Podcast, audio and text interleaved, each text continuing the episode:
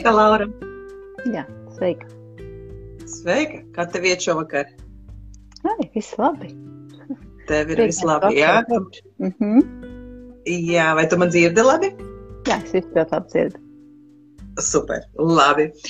Nu, Klau, pirms mēs sākam, un pirms tu kā miega feja, kas ar brīnumu nūjiņu spēja atrisināt laikam visas miega problēmas ar pirmo rāvienu, es tā saprotu. Pirms, pirms tu mums pastāst visas savas zināšanas, es gribu teikt, ka tu esi pati mamma trīs bērniem vai ne?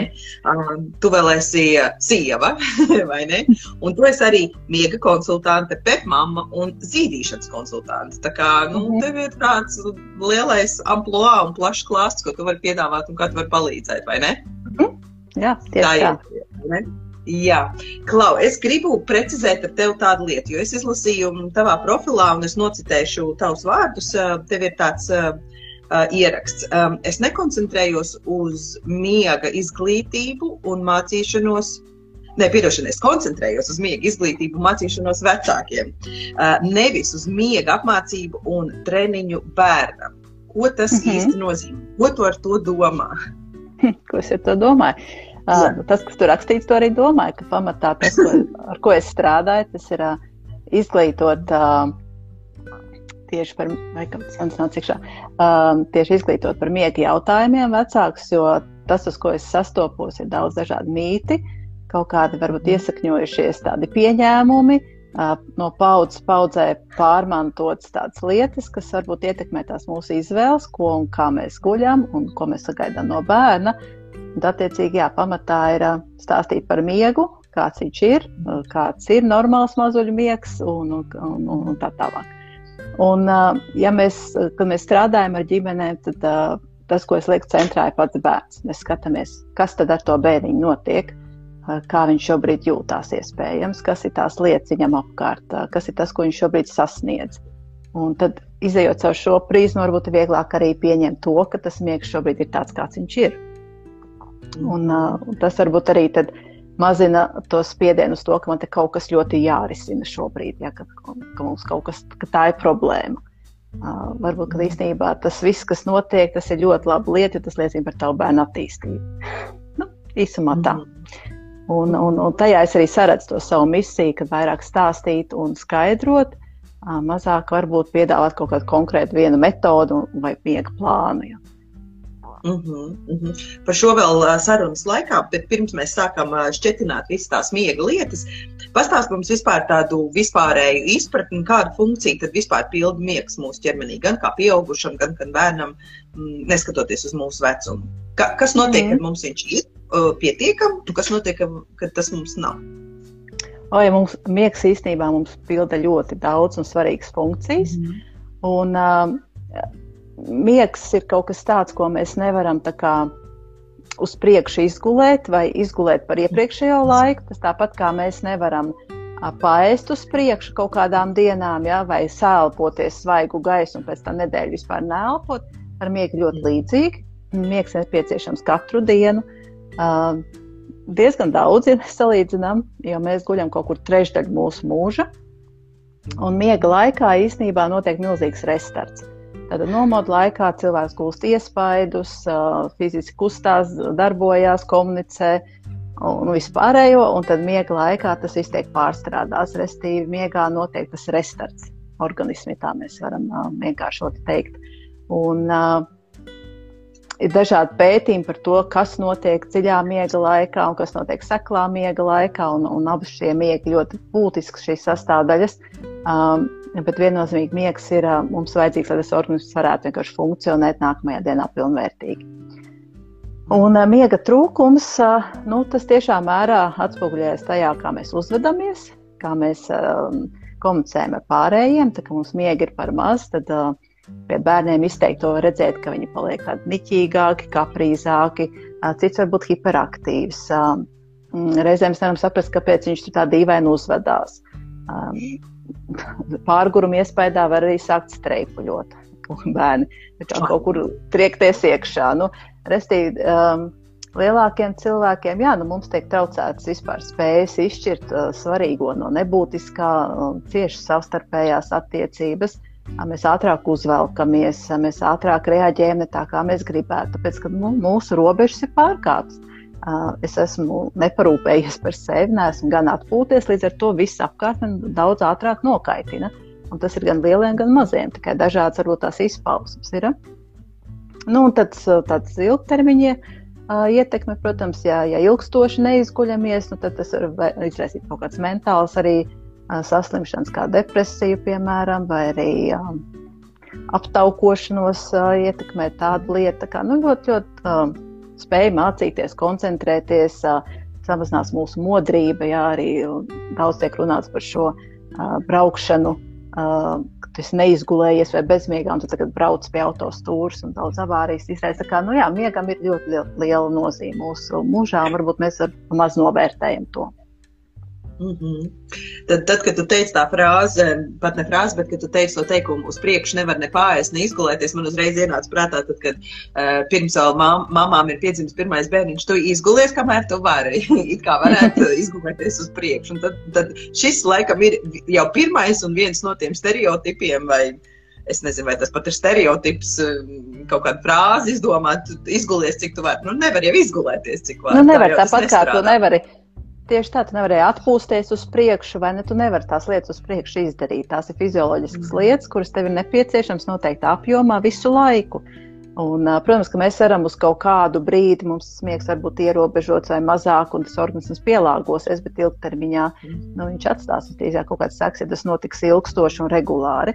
Reizēm, jā, ik pa laikam mums dažādi dzīvi ir visādi notiek, mums ir kaut kādi brīži, kad mēs varbūt mazāk paguļam, vairāk, un tas ir normāli, bet tā regulāri negulēt un gulēt nepietiekamu skaitu stundu, tad mēs ļoti nodaram pāri sev.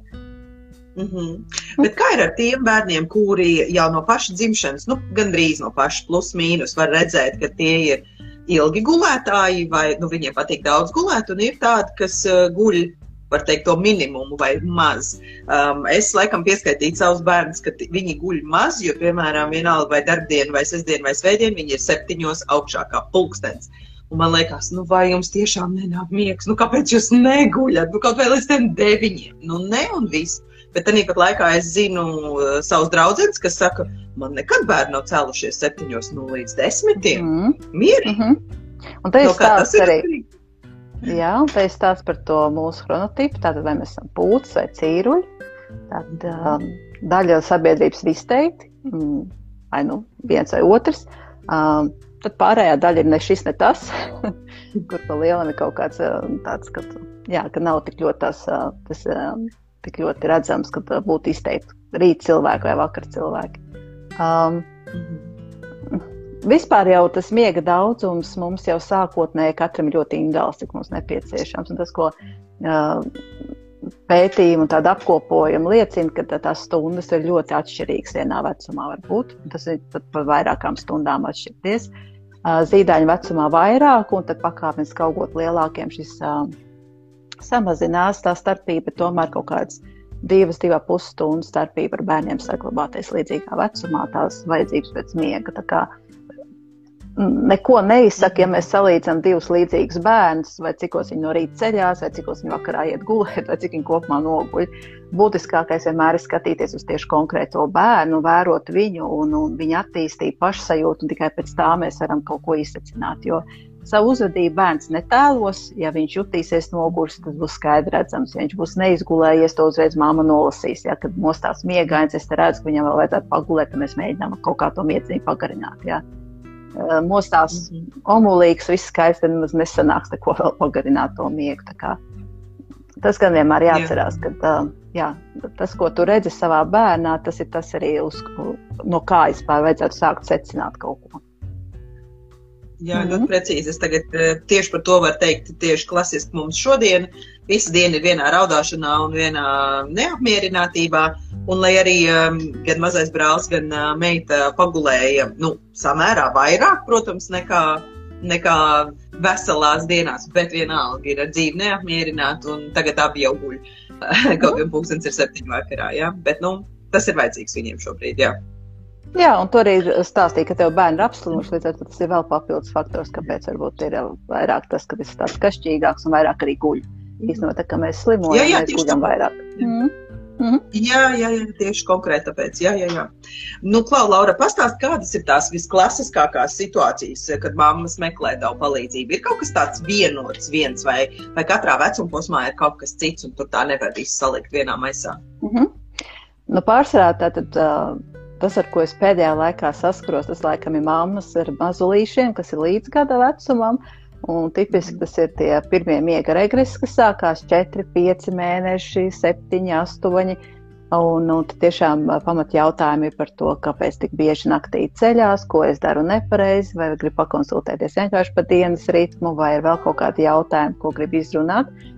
Un tad droši vien otra kategorija būs jau tādi lielāki bērniņi, nu, divi, trīs gadi, kur jau ir jautājumi par gulētiešanu. Kāpēc viņš negrib iet gulēt, kāpēc tik milzīga pretestība ir, kā es varu viņam palīdzēt vieglāk aizmigt. Nu, tad mēs tos jautājumus risinām.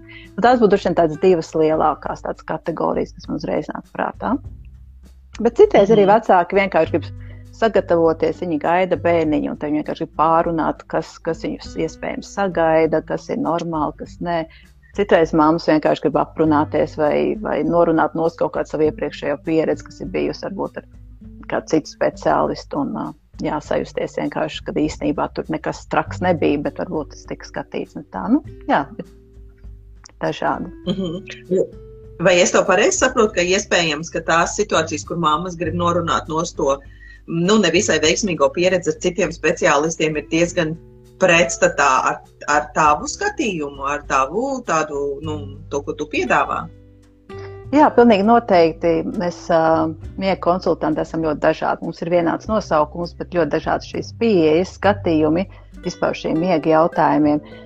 Ir uh, varbūt pat tādas vairākas, nu, jā, nezinu, kā mēs kā nosaukt, ir daļa, kas ietīra to pediatrisko pieeju, kur vairāk izmanto kaut kādas konkrētas metodes, kur ir uh, strikti miega plāni, grafiki un tādas lietas.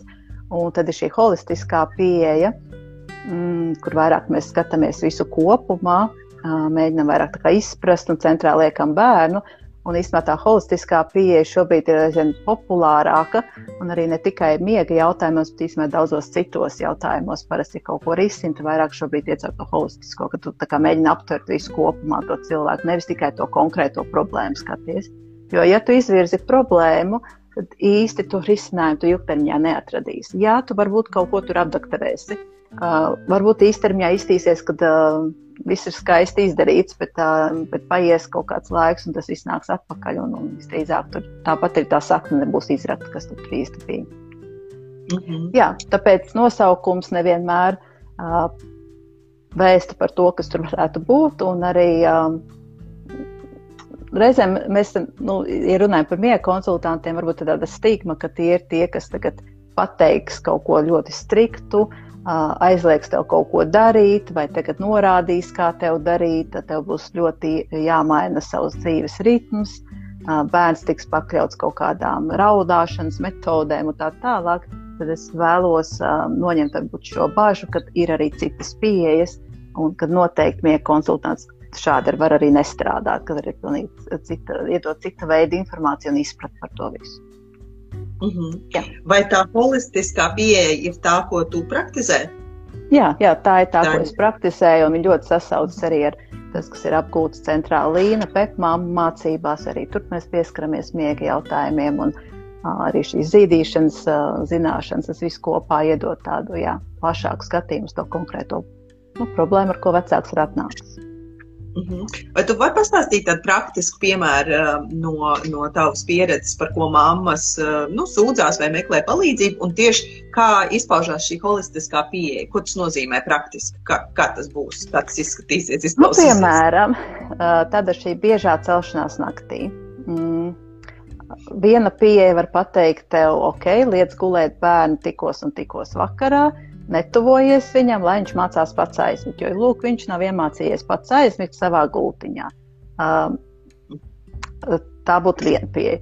Tā mana pieeja vairāk ir par to, sākam skatīties, kas tur īsti notiek. Nu, Tāda skatāmies vecumu.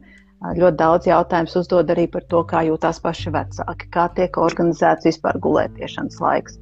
Um, tad mēs pētām, kas tieši notiek šobrīd bērniņa attīstībā. Nereti tas sakrīt tās biežās celšanās ar to, ka bērnam šķiļās zobi, ir uzsākts piebarojums, tad vēl ir kāds attīstības lēciens, jo viņš pēkšņi sācis rāpot un nu, jau sliens arī kājās, piemēram. Uh, jā, un tad vēl vecāki min īstenībā viņš arī sācis vairāk kaut ko mums runāt un komunicēt, tāda, tāda valodas attīstība straujāka. Nu, tad, kad mēs to visu kopā saliekam, nu, tad mēs sākam izsākt, kāpēc iespējams tas tā notiek. Uh, Un, un, un tad vēl iespējams, varbūt tur naktī spīd gaismiņa, jo mammai vienkārši visu laiku apraudzīt mazo. Un tā varbūt vēl tur traucē, un mēs šīs visas lietas skatām. Tā, tā ir tāda pavisam cita domāšana, varbūt tajā visā, kā palīdzēt tam bērniņam. Un, un noteikti netiek ierobežots nekāds uh, saskarsmes iespējas ar bērnu, netiek norādīts, ko tev kā darīt vai kādā veidā tev midzināt. Tas viss ir uh, vecākiem paši, cik viņi vēlas, to viņi arī visu dara. Mm -hmm. Vai, vai pēc taviem novē, novērojumiem tā vecāku iepriekšējā pieredze ir tāda skarba bijusi un tāda, nu, vēl tie vecie kaut kādi ieteikumi un tādi, nu, kas velkās līdzi, nu, negatīvs kaut kā ar tādu negatīvu pieskaņu, kas nav strādājušas tādas metodas, tad tu esi saskārusies ar to? Par retam es saskaros, kur varbūt ir bijis kaut kādi cita veida ieteikumi, jā, ir bijuši kaut kādi miega plāni, un vecāki saprot, ka tas nav tas, ko viņi gribēja vai ko viņi sagaidīja. Tas ir nu, daudzām sajūtām, viņi iet cauri gan uh, sajūtai, ka tu kaut ko nemāki, ka tu neproti, ka tev neizdodas, tad ir kaut kāds vainas sajūta par to visu, kas ir darīts. Un, un, tā kā, Tāpēc vienmēr aicinu ļoti rūpīgi izvēlēties to speciālistu, kam uzticēt, un uzticēt jau pašu dārgāko savu bērnu. Varbūt um, viens ir skatīties, protams, atsauksmi, ko saka citi vecāki, bet aptaujāt vēl riņķi un, un palasīt vispār, kāda ir tā pieeja tam konsultantam, ko viņš skatās, kā viņš domā. Jo mēs ļoti daudz arī rakstam, mums ir ieraksts pa pilnam Instagram un Facebook kontos, un tur jau var nojaust apmēram, kāds tas stils, kāds strādā un kā tie uzskata. Ja tie sakrīt, tad, tad visdrīzāk arī tās pieejas, ko piedāvās, sakritīs. Jā.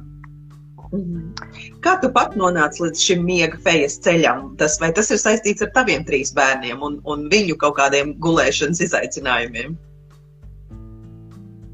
Jā, man vienmēr šo prasu, tad domāju, man nav bijis varbūt tāds kaut kādi mega tādi kaut kādi miega izaicinājumi. Protams, lielāki vai mazāki ir bijuši ar katru bērnu.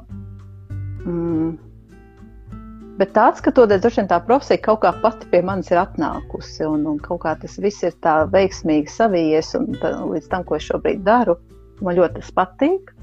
Un, un, un, un es pat nevaru pateikt, jā, tas vienkārši tā notika, un es esmu pateicīga, ka tā tas viss ir izveidojies. Ka tā, ka tas viss, un, no, īstenībā, jo vairāk es par miegu mācos, jo vairāk es saprotu, cik ļoti es gribu dalīties ar šo informāciju, un cik man liekas svētīgi vecākiem sniegt šo informāciju, jo daudz arī saka, vai uh, lasot ierakstus, viņiem jau ir daudz lielāka izpratne un daudz lietas viņi atrisinājuši paši, un tas man liekas vislabākais, ko es varu iedot, kad uh, ir arī daudz tāds bezmaksas resursu latviski, ko, ko, uh, ko vecāks var um, izlasīt. Jo tad, kad uh, man bija pirmie bērni, tad uh, nebija tāda Facebook vēl, un uh, Un, un viss šī lieta bija diezgan Instagrams, man liekas, tad nebija. Un, nu, tad bija kā bija ar to informāciju, un es arī pamēģināju miegu treniņus uz savu vidējo bērnu. Un, un, un šodien, skatoties, es saprotu, tas bija baisais izmisums un atbalsta trūkums. Uh, jā, tāpēc man liekas, svarīgi par to runāt un, un mudināt vecākus domāt vēl kā citādāk. Es varu sevi atbalstīt, lai man nav tam bērnam jānopar pāri. Mm. Jā, mēs Negrib... tev pišķiņā nu, ļaunu negribot. Nē, es jau negribu ļaunu, tas ir vienkārši tā, ka tu nezini, ko iesākt vispār vairs. Tieši tā. Tieši tā. Mēs jau ar tevi šodien aizkadrā runājām. Es tev pārsūtīju vienu citātu, ko es redzēju par miegu. Tad es, tad es gribēju dzirdēt tavu reakciju un tavu domu, ko tu par to domā. Bet es tā domāju, es, es tā tīnu lentu atpakaļ un domāju par to, kad man meita piedzina, tas jau tūlīt kā pieci gadi atpakaļ es par miegu un miegu konsultantiem neko nezināju un neko nedzirdēju. Es pat nedomāju, ka man kaut ko tādu vajag. Bet tā kā es tev šodien teicu, tad, kad tā mamma nav izgulējusies, tur ir tā kā vata galvā. Viņa ir tik, um, nu, tikko tas bērns ir iemidzis, vai tikko tā mamma ir knapi iemigusi, vai ne, tā tas bērns ir augšā. Un tikko tu esi sakal, ie, ieslīdējis miegā, un atkal tas bērns ir augšā. Un tā visas tās mm -hmm. naktis ir tik saraustīts. Un, protams, ka tu esi konstantā miega badā, nu visu laiku. Nu, cik ilgi cilvēks tā var izturēt? Nu, nevar. Ne? Šis ir interesanti. Zin kā, tas ir arī atkarīgs no tiem apstākļiem, kādus mēs radām.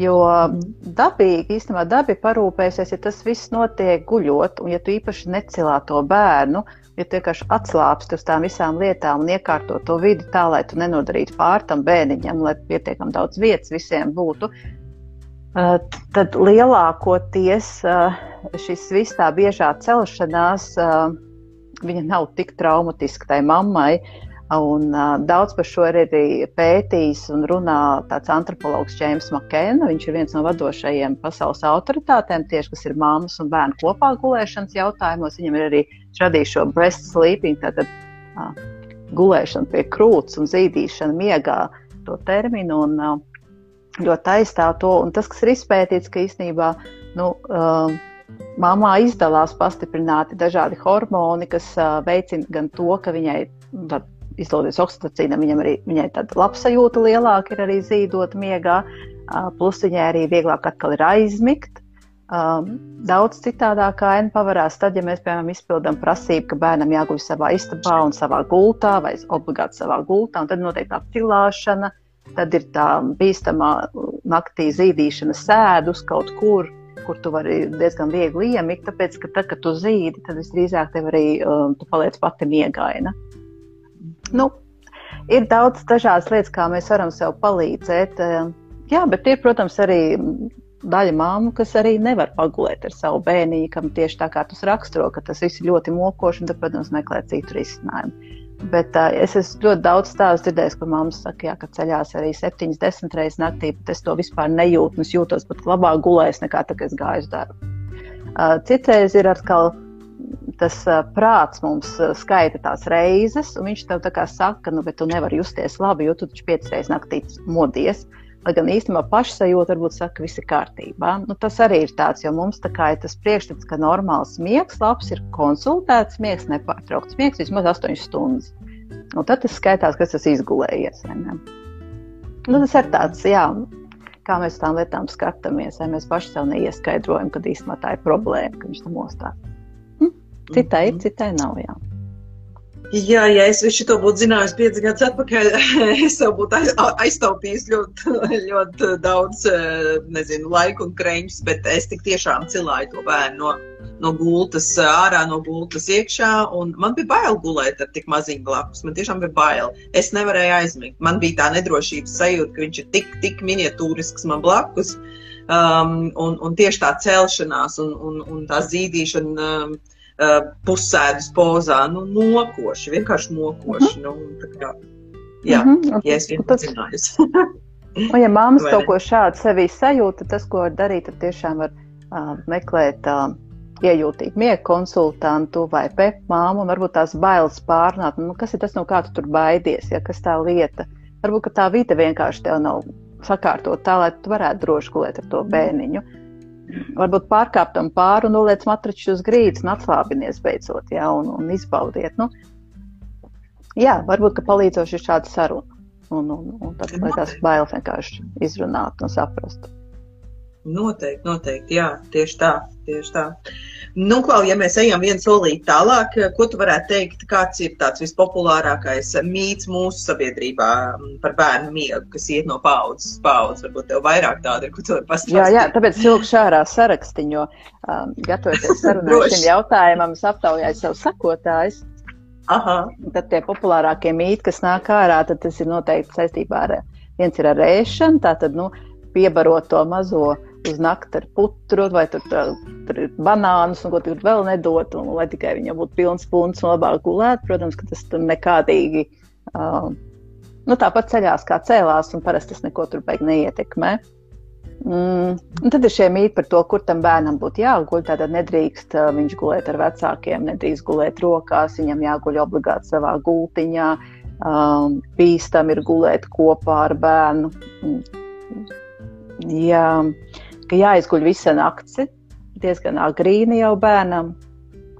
Un tad ir šie. Kāpēc? Nu, no kurienes tas nāk? Kāpēc ir tāds uh, pieņēmums, nu, kad nu, viņam ir, viņš ir šajā pasaulē, knap, nu, pieņemsim, knapi vienu mēnesī. Nu, maziņš, maziņš cilvēciņš ir. Ne, tā dažas dienas, dažas nedēļas, vienu mēnesi vecs. Nu, kā viņš, viņš to vispār nevar dabūt gatavu? Nu, kāpēc tas tiek tā domāts un pieprasīts, ka viņam būtu jāizguļ? Nu, no kurienes tas nāk? Nu, Rietumu kultūrā jau vispār mums ir ļoti izteikts, ka mēs vēlamies, lai agrīni bērni kļūst neatkarīgi, patstāvīgi. Mēs kā ar lielu mīlestību radām tos bērnus, bet tā visa audzināšana ir tāda. Jā, reizēm tā, ka mēs tik ļoti gribam, lai viņš ātrāk visu izdara, un, jo tas ir ērtāk. ja tas bērns tev netraucē, tev ir ērtāk. Varbūt tas varētu būt viens. Um, Otrs arī ir um, jāņem vērā, kas bija dažas paudzes atpakaļ, ka tomēr mamām nebija laika un tik daudz iespēju varbūt veltīt bērniem šo uzmanību un rūpes un gādību. Tomēr nebija tādi atvaļinājumi pēdiņās, nu, tāda būšana kopā apmaksāta ar bērnu tik ilgu laiku. Un, un tad vienkārši tā bija vajadzība, lai tas bērns izguļ vairāk no vietas. Un, un tad varbūt arī bija tāpēc viss tā zīme. Um, ēdināšanu, zīdīšanu pēc noteikta grafika jau diezgan agrīni. Es gribu teikt, ka tā, droši vien tādas miega treniņus mana paudze jau pieredzējusi temdību namā, kur mēs tikām pēc piedzimšanas noņemti no mammas, satīti, aizvesti projām, un tur mūs nu, nevienu neinteresē, ko tu tur īsti gribi. Ja tu ēdīsi, tad, tev iedos, nevis tagad tu gribēsi, vai ne?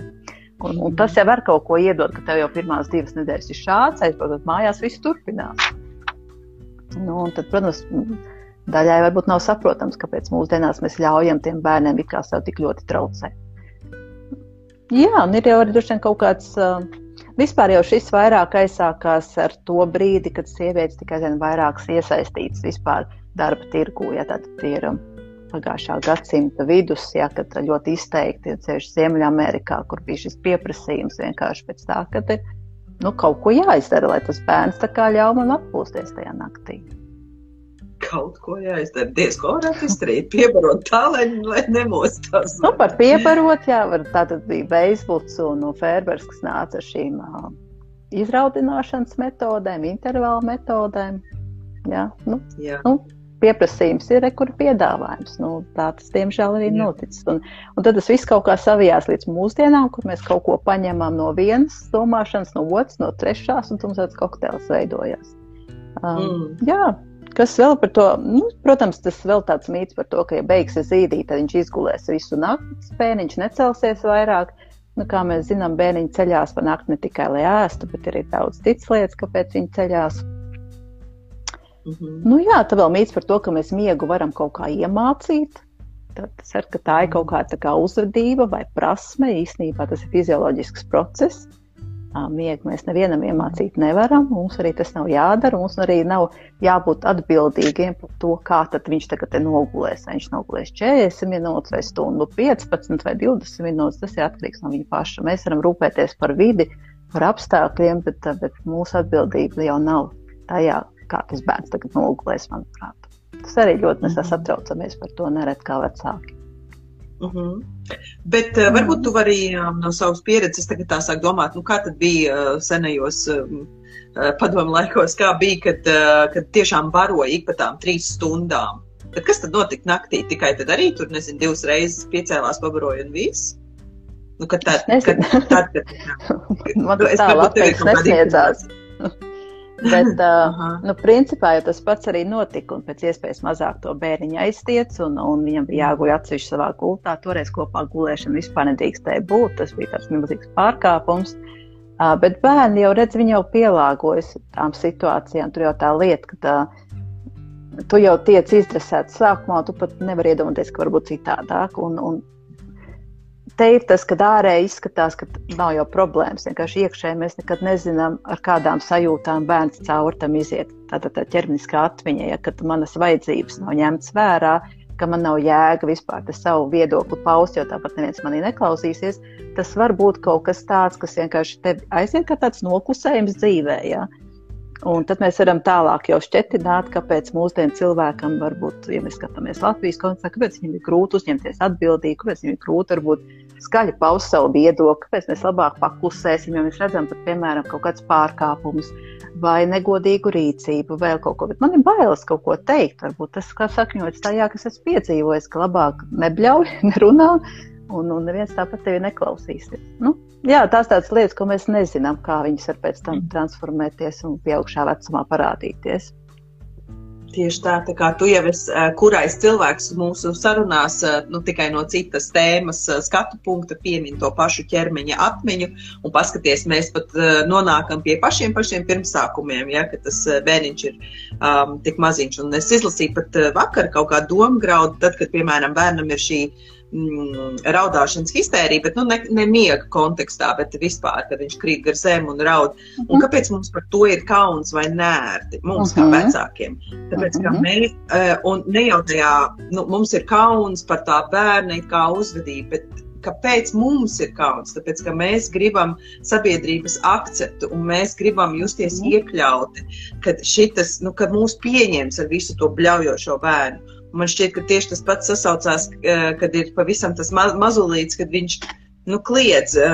Tu tā kā negribi justies nērts visiem dēļ tā, ka tavs bērns kliedz, vai ne? Bet nu, viņš taču drīkst raud, vai ne? Jā, jā, viņš drīkst. Un te jau ir stāsts par to, ka visdrīzāk tas tavs iekšējais bērns tur arī brēc līdz tam visam, ja, kad uh, viņš jau nav piedzīvojis to, kā tas ir, kad tevi vienkārši paņem, apskauj, mierina un, un rūpēs par tām tavām vajadzībām, kas tev tajā brīdī bija.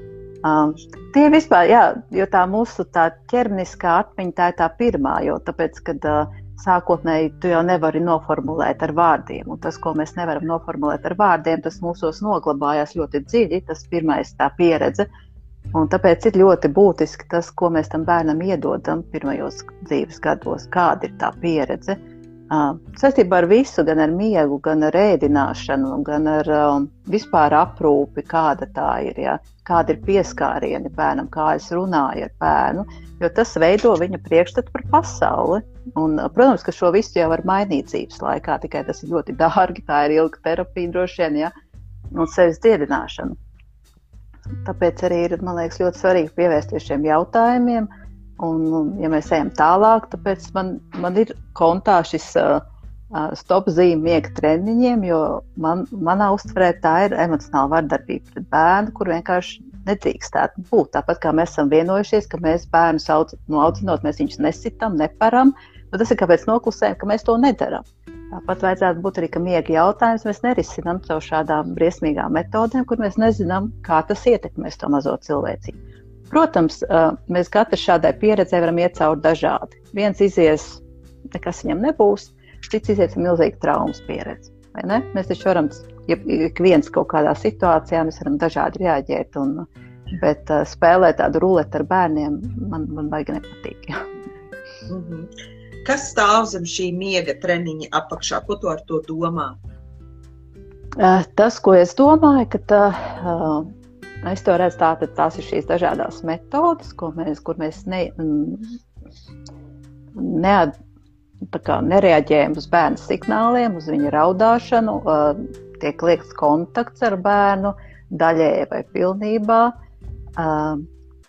Kad ir šī, nu, viņi ļoti saprot, ir tie miegi, tad ir viens ir šī uh, pamats tā metode, un tad ir ļoti daudz viņai dažādi atvasinājumi, kurus tā kā ietērp ļoti skaistos tādos vārdos, lai gan tur apakšā pamatā ir kontrolētā raudāšana vai kontrolētā mierināšana. Tad tev tiek liekts ar savu bērnu komunicēt kaut kādu brīdi.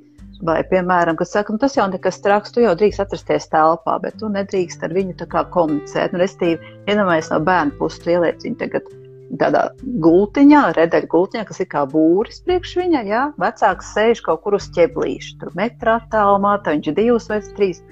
Bērns tāpat tās jūg prātā, viņš nevar saprast, kāpēc tas mans mīļākais cilvēks pēc uzvedās šādi. Jā.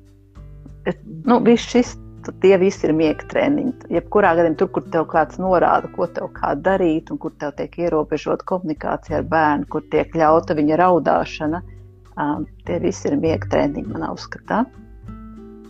Vai, tas... vai es tev pareizi saprotu, vai es tagad kaut ko jaucu, kad uh, tā metode, kas ir cry it out, tā izraudāt, tas, ko tu tagad teici, nu, tas ir, tas ir saistīts ar šito te, kad iet prom no istabas un lai viņš tur raud, ja?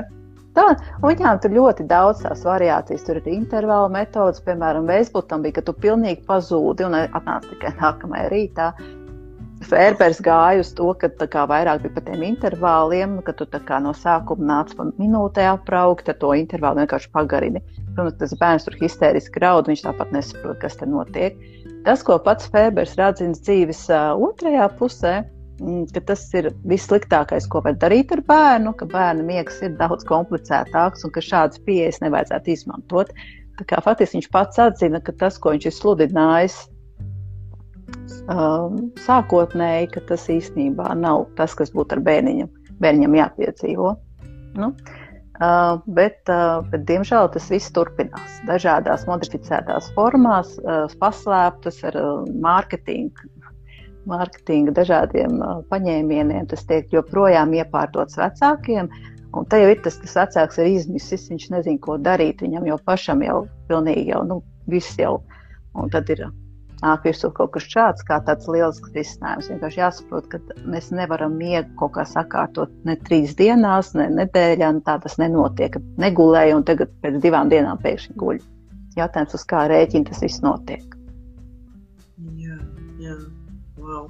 Mums te bija daži komentāri, es tulīt parolēšu apakaļ to ekrānu. Jā, mums tā, tā saruna tā dikta skumji ievirzījās, lai gan šodien tā kā tā miega diena mūsu pasaules ir un tā. tā. Bet laikam par šo ir jārunā tomēr skaļāk, jo ir tik daudz vīlušies vecāki, un tad arī tas īstenībā bojā to mūsu miega konsultantu tēlu kā tādu, jo nu, tas priekšstats veidojas, ka mēs visi šādi tikai strādājam. Jā, jā, jā. Nu, noteikti, noteikti par to vajag runāt. Reku Karlīne, es zinu, no mammas rokām raksta, cik labi un skaidri visu, visu jūs paskaidrojat. Paldies jums! Te vēl bija gūna, rakstīja, izbaudīja kopā būšanu un zīdīšanu Un vēl Gunta rakstīja, ak, jau cik labi, ka gulēja, gulēju labi un daudz reiz ar, daudz reiz ar mazajiem gultā.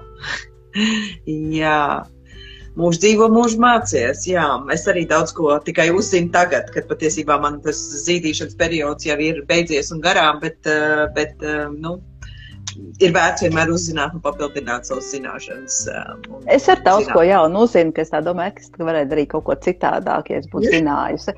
Un, tāpēc es arī rakstu un runāju, jo es vēlos tā, to informāciju iedot tām mamām, kas šobrīd gaida mazulīšu vai kam pavisam maziņu, kad ir vēl arī citas iespējas, ka tu vari arī rīkoties varbūt citādāk nekā ir no paudzes paudzē darīts. Noteikti, noteikti. Un paldies mm -hmm. tev par to, ko tu dari. Jā. Um, nu, un, klausies, Laura, mums ir arī um, diezgan daudz iesūtīti jautājumi. Varbūt ķeramies tiem klāt. Citu tu jau minēji, ka ir tādi konsultāciju vērti jautājumi. Tu varbūt uh, daudz neko nevarēsi šajā sarunā pieminēt, bet varbūt par citiem tu vari mazliet sniegt kaut kādas uh, tādas papildinošas atbildes. Ja? Mm -hmm. Nu, piemēram, viens jautājums bija, vai tas ir normāli, ja bērns desmit mēneši kopš pieci mēnešu vecuma naktī ceļas vismaz sešas reizes? Kā ir ar šo situāciju? Es nezinu, vai normāli vai nav normāli. Pirmkārt, jau kā pašai mammai tas šķiet. Jautājums arī tajā dinamikā, kā tas tā mošanās citreiz varbūt tās trīs reizes jau saskrien naktas pirmajā daļā, kad uh, varbūt vecāki vēl nav aizgājuši gulēt, un bērniņš vienkārši šādā veidā ik pa laikam pārliecinās, hei, kur tu esi? Pasauc, atnāk mamma vai tēvs, viņš aklā ātri iemieg un, un tā tālāk. Tā kā jāstāsta, kas tur notiek, kur tā celšanās ir un, un, un, un kādā dinamikā.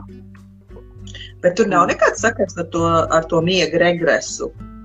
Desmit mēnešos nebija kaut kāds tur tā.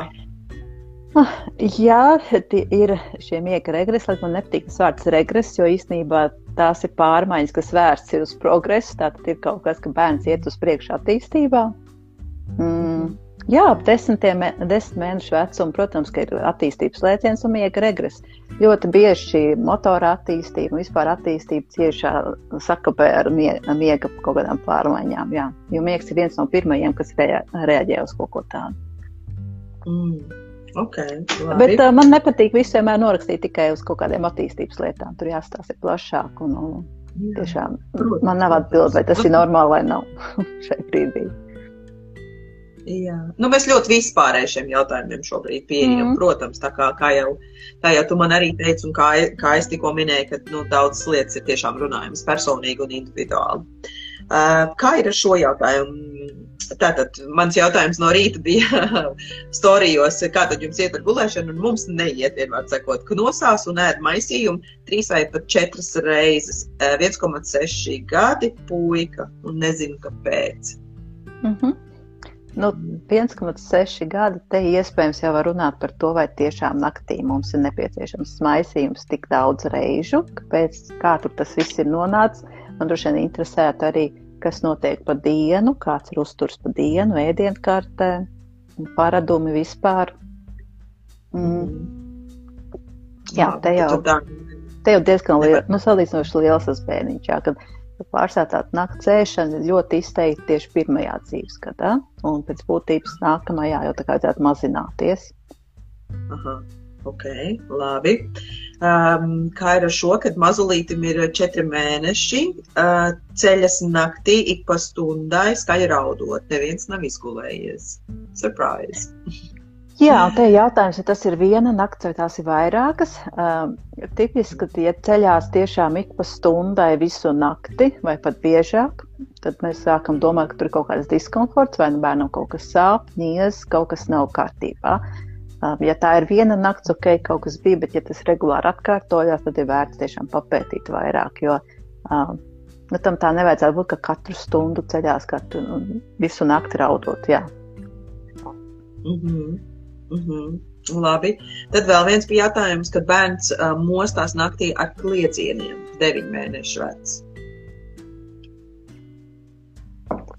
Atkal, ja man te interesētu diena, kāds ir dienas ritms, kas, ka, kas notiek pa dienu, vai nav kaut kāds pārgurums, vai, vai kaut kāds, nes, jāsās kāda iespēja viņam, vai kaut kas, varbūt, kas ir dienas ritmu kā tādu. Mm -hmm. Arī cik bieži ir tās epizodes, um, kur atrodas bērns nakts laikā, mm, cik ātri norimst, uh, kad tas ir um, raksturīgāks. Nakts sākumā, nakts beigās, vidū Jā, daudz jautājumu. Daudz dažādi, jā. Tad uh, mīļš lūgums visām mamām, kas uzrakstīja man, lūdzu, sazinieties ar Lauru personīgi. Viņi varēs jums atbildēt, citādāk mums sanāk klusie telefoni šobrīd. Caur šo sarunu mēs daudz ko nevaram nemaz atrisināt patiesībā. Uh, bet kā ir Laura arī tādās, tādās situācijās, kad, piemēram, uh, kad miegs nāk, bet nekādu nevar aizmigt? Tas laikam vairāk uz pieaugušajiem. Bet varbūt arī īstenībā bērniem, kad tu redz, ka jau tas jā. miega laiks, tas bet, nu, jau ir pār, pārsists, kā, bet nu, nu nekāda. Mm -hmm. nu, ja nevar aizmitāt, ja mazu bērniņu tu midzini, un viņš vēl ierastajā laikā neiemieg, un ir jau kāda pusstunda, ka tu midzini un, un grūti, tad, protams, ir ieteikums beigt to darīt. Tur ir paciem redzot pārāk daudz tā vēlme no pieaugušā, lai viņš iemieg, un mazais vienkārši nevar atslābināties un, un izdarīt to lietu. Līdz ar to mēs vienkārši mainām telpu, izējām ārā, uh, varam ļaut bērniņam varbūt uh, padarboties brīdi, neskatoties no vecuma. Protams, uh, paši drusciņi atpūšamies, izceram varbūt glāzi ūdens, aptējam no tās situācijas, kad esam atkal norimuši, uh, tad varam iet atkal mēģināt aizmigt. Mm. Jo bērni jau paši nevar izregulēt. Tātad, ja tur ir kaut kāda stresa, tad stress ir viens no tiem, kas traucē atslābināties un iemigt. Un, uh, mm. Tas būtu tas, kas būtu primāri jā, jāmazina. Un uh, lielākiem cilvēkiem, jā, ja tu pats uh, gultā dīdies un nevar aizmigt, un, un dīdies jau 15, 20 minūtes, nu, tas, ko iesaka, tad vienkārši beigt mēģināt iemigt, celies augšā, izēj no guļam istabas, uh, padari kaut ko, uh, kad tu jūti atkal sajūtu sevi miegainu un tad uh, dodies atpakaļ. Protams, būtu Nebūtu forši, ja tu tajā brīdī tagad skatīties ekrānus, jo ekrāni ir tie, kas mūsu smadzenēm liek būt aktīvām. Tā izlītā baltā, zilā gaisma. Ja? Līdz ar to, tad, ja tu aizies skatīties televizoru, visdrīzāk tu arī diezgan ilgi vēl nevarēsi aizmigt. Jā. Mm -hmm. Es, piemēram, ko es izdarīju, ja, nu, ja, protams, man mazais brālis nav blakus, tad, piemēram, ja es nevaru aizmigt, es attaisu logu istabā un es izēju ārā no tās istabas, vienkārši izvēdinu viņu, lai kaut kāds svaigs gaiss ienāk, un tad es nāku atpakaļ un ir pilnīgi, nu, cits skats. Nu, tu nomaini darbību, tieši tā, nomaini darbību. Plus vēl svaigais gaiss, protams, ka telpas ir uh, regulāri jāveidina ceļš pirms uh, miegiem. Ir ļoti pozitīva ietekme, ja tu izveidojis telpas, ja tu esi sagatavojis to telpu miegam. Uh, Nu, jā, tās pamatlietas jau ir par to, kā es rūpējos vispār par to miega vidi. Um, kā es gatavojos tam, vai man ir kaut kādi savi rituāli, vai es noskaņojos. Jā, nu, tas arī ir no svara. Mm -hmm. Pastāst mazliet, varbūt, Laura, par tieši par to miega vidi un mm. ko vecāki var darīt, kā viņi var palīdzēt paši sev, sev lai viņi varētu mm. palīdzēt bērniem pirms tās mīdzināšanas neatkarīgi no vecuma. Bet tieši tā kā bērniem vai sev? Nu, vispirms jau sev, bet lai pēc tam tam bērnam būtu vieglāk iemigt. Eh, bet droši vien, nu, kas ir varbūt tas, es pat varbūt iedomāties nevaru, nu, ar šī brīža prātus nevaru iedomāties, ko tev paprasīt, kas, ko es pat nezināju tad, piemēram, nu, kad es par savu meitu domāju, kad viņa piedzima. Es, eh, man nebija zināšanas, es nezināju, ko, ko es būtu varējis darīt labāk un citādāk, lai viņi gulētu labāk. Kas ir tas, ko tu novēro, vai, vai es redzēju pie, pie vecākiem, kur viņi varbūt pat neapzinās, ka viņiem par to vajadzētu aizdomāties, lai tas viņiem palīdzētu. Nu, droši vien viens ir noņemt varbūt tāds gaids, ka bērnam ir jāizmieg dažās minūtēs, jāatslēdzas. Uh, jā, uz dienasām bērni iemiega ātrāk, līdz ar to tas ir mums vieglāk. Uh, uz nakti tā iemikšana ir nereti ilgāka, un tas ir pilnīgi normāli, ja tas viss process ir mazgāšanos, ar gatavošanos miegam, tur pārējais laiciņiem, grāmatu skatīšanos, kluču likšanu tādā uh, guļamistabā pusgaismiņā. Vai tur kaut kāda runāšanos lielākiem bērniem, tas viss ilgs līdz stundai, tas ir normāli. Um, bērnam iemigt 15, 20 minūtēs, tas ir pil, līdz pusstundai, tas ir pilnīgi, pilnīgi atbilstoši. Um, tieši uz naktmiegu, jā, tas varētu būt ilgāk. Bet uh, Nu, jā, mēs esam dažādi. Ir bērni, kas arī diezgan ātri iemieg, kam tiešām viņš diezgan ātri atslābinās. Un, un nereti tie ir mazāki bērni, kas var tā ātrāk pazīt. Ļoti bieži tas ir saistīts ar zīdīšanu, kad zīdot atslābinās. Um, uzņem, uzņem visus šos hormonus, kas veicina miegu, un, un, un laktos īpatsvars arī māmas pienā ir visvairāk, un, un, un tas ir tieši ar veicina tādu miegainumu, un tā māmas tūms, un tad parasti ātri iemieg lielākiem bērniem ir ļoti, ļoti no svara šie paradumi, kā mēs dodamies gulēt, rituāli, tās visas tās darbības, ko mēs darām katru vakaru. Jau, tas viss, ko es pār, varu paredzēt un kas notiek atkārtojoties katru dienu, tas mani nomierina. Tas ir tas, kas rada to drošības sajūtu. Un mums jau vajag, lai tas cilvēks norimst, lai viņš jūtas labi. Uh, vēl ir arī svarīgi, lai tas viss, ko jūs darat, lai tas nav ar tādām tā kā, sajūtu, ka es tagad kaut ko daru, ķeksīšu pēc vai sakošot zobus, tam tomēr vajadzētu būt tādam pasākumam, kuru vairāk vai mazāk izbauda abas puses. Ceļš bērnam, ja viņam tas radīs labs sajūtu, tā gulēt iešana, tad arī tā pretestība būs mazāka. Mm, tu man arī pirms sarunas prasīji, varbūt tev ir ielikt arī par to, ka uh, tās atšķirības varbūt pa vecuma posmiem, tad uh, viens ir, kad mazākus bērnus tādu zīdainīšu vairāk vada šie fizioloģiskie procesi tieši uz tādu gulētiešanu un aizmigšanu. Un jo lielāks bērns paliek, jo lielāka nozīme ir tieši tiem emocionālajiem aspektiem un psiholoģiskajiem. Ļoti būtiski tas, kā viņš ir pavadījis dienu, cik daudz viņš ir bijis ar vecākiem, kāds ir bijis šis laiks, attiecības ar vecākiem tas spēlē zin lielāku, kas viņu pieskatīs, kā viņam tā diena ir gājusi ar kādiem cilvēkiem, kas tur ir noticis. Jā, tādiem pavisam maziem zīdainīšiem, jā, tur, tur būtiski tieši tā sajūta, ka es aprūpēts, man viss ir kārtībā, jā, ka pazīdīts vai paēdināts, man autiņi tīri un, un apskauts un samīļots, un faktiski tas, jā, bet, bet jo lielāks kļūst, jo vairāk ir emocionālās lietas arī. -hmm. nu, tā, nu, tas tāds viegli jau pateikt, jo tas nogurums jau mums visiem vakarā ir. Un arī vecākiem nevienmēr ir viegli šo visu vakaru rituālus vadīt. Un, un tad ir svarīgi saprast, kurā brīdī es aicinu partneri nomainīties, kad es saprotu, ka te es šodien vairs šito nevarēšu izdarīt. Ja? Vai jā, laicīgi jau padomāt, nu, kā es tur droši vien palīdz elpošanas vingrinājumi, kaut kāda noskaņošanās, tai gulēt iešanai, varbūt kādu mūziku paklausīties. Nu, arī par tādām lietām padomāt, jo bērni ļoti jūt, ar kādām sajūtām mēs to visu darām. Un mēs varam reizēm teikt vienu, bet ja mēs jutīsim kaut ko citu, tad visdrīzāk viņš nolasīs to, ko mēs jūtam. Jā, mm. tieši tā, tieši tā. Ko tu ieteiktu par tādu rituālu kā vannošanos, gan mazākiem, gan lielākiem? Es zinu, ka cits mammas ir teikušas, nu, Lielākoties esmu dzirdējusi, ka vannošanās nomierina un ļoti labi var pēc tam aizmigt. Bet es esmu dzirdējusi arī pretēju stāstu, ka tieši otrādi tas bērns paliek hiperaktīvs un tā vanna galīgi nenomierina viņu. Tā kā vakarā vannā nevar iet. Ko nu, tu par šo teikt? Nu, Tev atbilde arī ir, nu, mēs skatāmies bērnu. Ir bērni, ja, tas, ja, ja tas palīdz tam bērnam norimt, tad tu redz, ka tas viņam ir palīdzošā, lai atslābinātos. Un pēc tam arī tas miegs ir labāks. Droši to darat. Bet uh, nav jēga to darīt tad, ja tu redz, ka tas bērns no tās vannas nāk ārā trīsreiz aktīvāks, uh, uzvilcies un visādi citādi viņam vispār miegs nevienā acī. Ja. Tad mēs vienkārši mm. to vannu paceļam vai no ātrāk, pirms vakariņām, piemēram, ja bērnam ļoti patīk, vai mēs vienkārši vannojam mazāk un pārējām uz kaut kādu dušiņu. Tur jau tie varianti dažādi, bet uh, nav obligāti vanna jāliek. Vannai jēga ir tad, ja viņa dod to pienesumu, ja tu redz, ka pēc tās bērns ir mierīgāks un atslābušāks. Ja tas tur nenotiek, tad labāk to nedarīt un nomainīt pret kaut ko citu. Jā, labi, labi. Skaidrs. Mums ir apmēram 5 minūtītes vēl laika. Varbūt ir vēl kaut kas, ko es tev nepajautāju, un uh, ko tu gribētu pieminēt un vērst mūsu uzmanību tieši par miegu. Hmm. Droši vien, ka daudz lietas vēl neprasīja.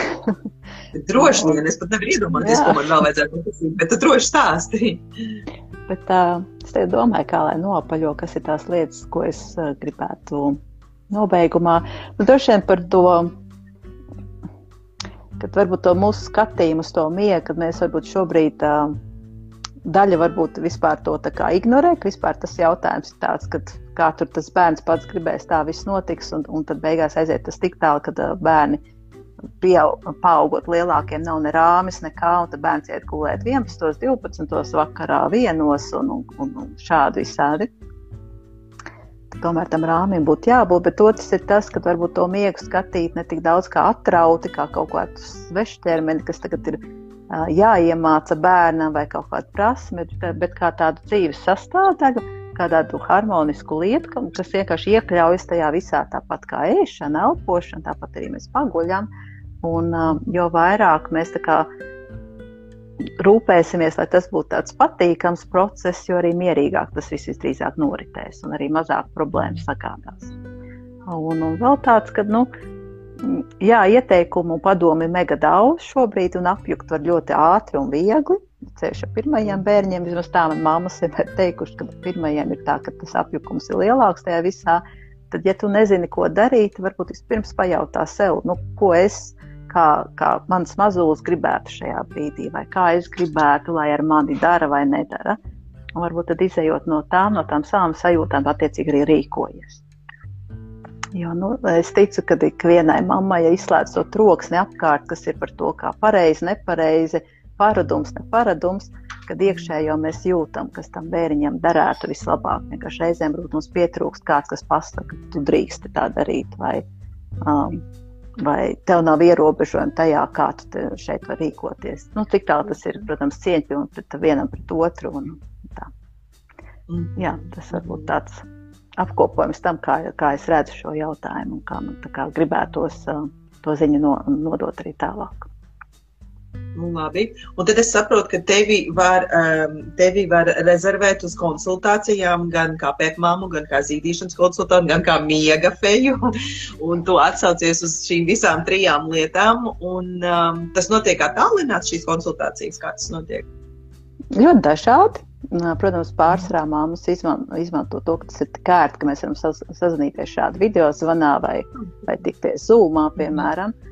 Uh, mm -hmm. Bet uh, tikpat labi arī, ja es braucu uz mājām un, un iespēju robežās, tad es dzīvoju pie Rīgā, attiecīgi tas ir Rīga, um, Čekavs novads, um, Iecava, varbūt pat Bauska, Jelgava. Tā būtu tā, tā, tās vietas, kur es kā, varu arī izbraukt mm klātienē, tikties. Mm -hmm. Super. Nu, līdz liepājai bija pat tālu laikam. līdz, ši, līdz šim galam.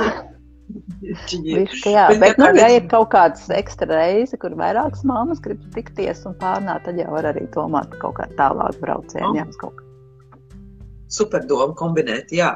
Bet, lai šī saruna arī kalpo kā iedrošinājums un, un kā mazliet tāds ievadiņš šajā miega tēmā, un noteikti tiem, kam vajadzēs vairāk palīdzību, lai to sameklē Instagramā zem, zem miega feja, un tur ir ļoti daudz visādas interesantas informācijas. Tā kā paldies tev, Laura, par tavu laiku. Paldies, ka tu dalījies un piekriti šai sarunai. un es tev laidīšu projām, jo ir piekdienas vakars un, un, un pietiek, pietiek strādāt droši vien, vai ne? Tā kā lai tev laba nedēļas nogale. Un paldies tev! Paldies, Kristīne, ka uzaicināji, un paldies visām, kas klausījās!